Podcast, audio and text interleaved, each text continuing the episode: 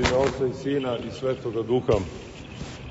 Vaše preosveštenstva, časni oci, draga braćo i sestre, narode Božiji,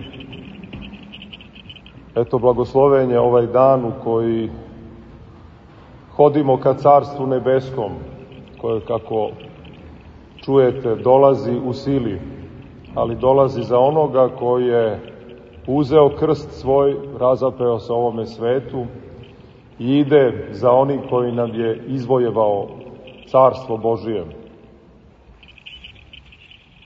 Sila carstva nebeskog se doživljava kada čovek uroni u sebe i kada uronivši u sebe shvata da u jednom trenutku on prestaje, da je ograničen i da nastupa bezobalna tajna onog drugog u kome nam je život. Čovek treba da bi video istinu da kao onaj farisej o kome smo slušali juče obori oči ka zemlji i tek tada budući svestan da je nedostojan da gleda ka Bogu, da zapravo dobije onaj dodir milosti Božije. Jer za time čeznemo. Čeznemo za tim dodirom samoga Boga. I danas nam je potreban dodir, posebno prepodobnog oca Simeona, koji je čudesna ličnost koja može nekada postane skoro slična mitu u našoj svesti, onako kako svetitelji drugi mogu da postanu. A mi protiv toga moramo da se izborimo, budući verom svesni da on zaista po Božjoj sili i živeo je, a i živi. I evo ga prisutnim danas među nama. On kao rodonačelnik naš, kao naš otac, nama daje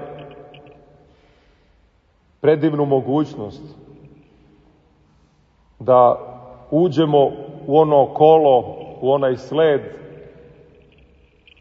od drevnog Izraela pa sve do dana današnjeg.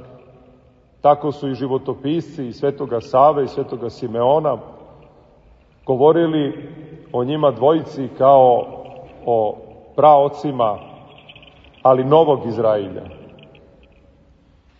Oni su svojom verom Avramovskom uspeli nas da učine da budemo deo tog kontinuiteta od praoca Avrama pa i pre Avrama, kako se govori u evanđeljima, gde se govori rodoslov, dok se ne dođe tim rodoslovom sve do Adama koji, i posle njega do Sina Božijeg.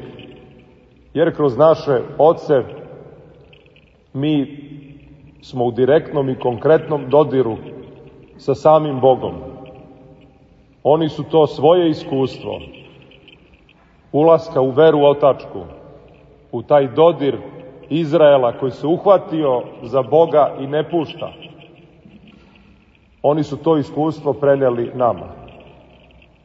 Daleko od toga da su bili nepogrešivi, jer svetitelj nije neko ko ne greši, o tome nam svedoči hor velikih grešnika iz evanđelja, u evanđeljima pomenuti koji se sećamo baš u ove dane posebno, pripremajući za sveti post, koji su svojom dubokom verom doživeli preobražaj i doživeli povratak. Takvi su bili sveti veliki Nemanjići, koji su znamenje čudesnog života božanskog preneli nama. Često nismo svesni kolika je privilegija i koliko je jedinstveno to da imate dvojicu svetogoraca za rodonačelnike, kao što su sveti Simeon i Sava. Čudesna slika svetoga Simeona, našeg oca, koji se proširio još na značajnu dvojicu koju, koji od njega iziđoše. Jedan je onaj koji nam je logosa Božijeg doneo, donevši taj smisao sa Svete Gore Atonske, a drugi je onaj koji je utvrdio ono i proputio put kako treba da se vladamo i da živimo u ovome svetu. Eto jedne trojične slike, kao u manastiru velikom, gde od igumana izlaze dvojica koju on šalje. Jedan se brine o duhovnim stvarima, zvali su ga eklisijar, a drugi je ekonom, koji se brine o onome što je opipljivije, što je bitno za svakodnevni život. Tako i svetog Simeona iziđoše sveti otac naš Sava, arhijepiskop srpski i sveti kralj Stefan Prvovenčani. I ta velika svetenja njihovog blagoslova može da postane prokledstvo onda kada mi živimo nedostojni tako velike tajne, za koje je potrebna velika osetljivost i hrabrost i predanost. I zato od onda pa do danas, u svim nedoumicama, svim teskobama, svim borbama, moramo da se vraćamo njima i da se zapitamo kako bi sveti Simeon rešio neki problem, kako bi on danas reagovao, kako bi Sveti Sava, kako Stefan Prvovenčani. Njihov život je bio borba, posebno Svetog Simeona, i on je, rodivši sina, doživeo blagoslovenu tajnu, da bude usinjen tog svog sina na novi način, zato što se ponovo rodio, kako se govori u njegovom žitiju, kod njega je mnogo toga bilo dvostruko. Imao je, sećate se, dvostruko krštenje. U Ribnici se krstio po jednom obredu, a onda u crkvi Sveti Petra i Pavla po istočnom, po pravoslavnom obredu. Primio je carstvo zemaljsko, a onda se opredelio i za vojevanje u nebeskom carstvu. Pokušao je sina da vrati na onaj put koji mu nije promisao Boži odredio, jer je njega gospod odredio da nama proputi put ka carstvu nebeskom i umesto da ga vrati po ljudskom umovanju na onaj put sa koga se Sveti Sava uklonio, on je krenuo putem koji je njegov sin, osonok hodeći po Svetoj gori, proputio. On je došao da postane sin svome ocu. Ponovo se rodio. Eto ima i dvostruko rođenje na neki način. Primio je dva puta mali, veliki monaški obraz. Dva puta se rodio Jednom kao vojskovođa, drugi put se rodio da bude vojskovođa nebeskoga cara. Prvi put se rodio za slavu zemaljsku, za bogatstvo, za lepotu ovoga sveta, za snagu ovoga sveta. Drugi put se rodio za onu snagu koja se krije iza siromaštva, iza uboštva.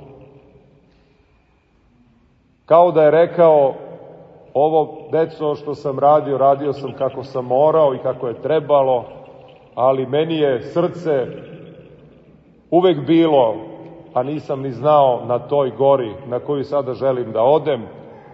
I kako je rekao u rasu napuštajući presto, otpustite sad mene, deco, da odem onamo gde, gde mi srce čezne da idem. I on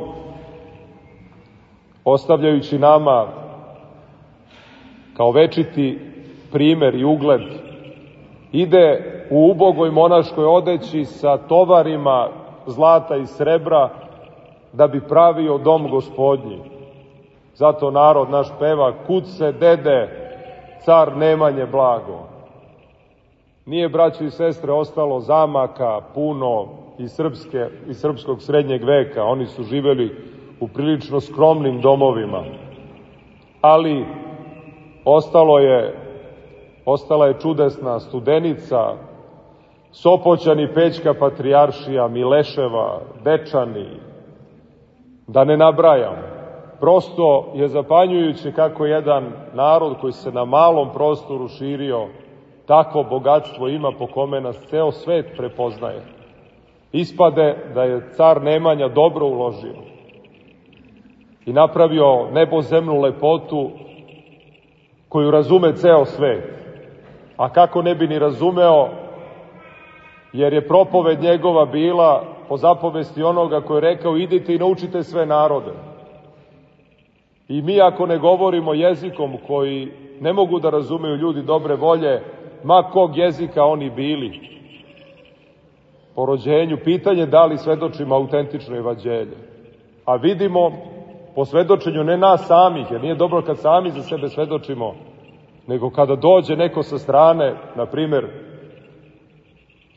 meni je to blisko, Sir Arthur Evans, koji je otkrio na Kritu a, minojsku civilizaciju i kaže da su dečani najlepši spomeni kulture i najznačajniji unutrašnjosti Balkanskog polostrava.